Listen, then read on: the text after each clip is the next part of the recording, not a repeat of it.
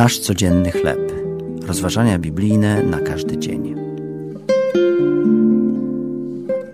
Głód Boga. Tekst pochwam Chia na podstawie piątej Księgi Mojżeszowej, czwarty rozdział od 9 do 14 wiersza. Apolapi jest starszym członkiem Akha, plemienia żyjącego w górskich regionach prowincji Yunnan w Chinach. Gdy odwiedziliśmy go podczas niedawnej podróży misyjnej, powiedział nam, że opuścił cotygodniowe spotkanie biblijne z powodu ciężkich opadów deszczu. Błagał więc nas, czy możecie podzielić się ze mną Bożym Słowem. Apolapi nie potrafi czytać, więc cotygodniowe zgromadzenie ma dla niego duże znaczenie.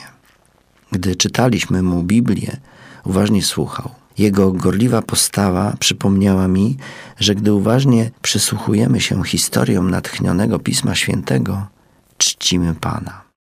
W piątej księdze Mojżeszowej, rozdział czwarty, Mojżesz upominał Izraelitów, by uważnie słuchali przykazanych im zasad i przepisów. Przypomniał im, że źródłem i inspiracją jego nauczania był nikt inny jak tylko sam Bóg, który przemówił do nich z ognia na górze Synaj.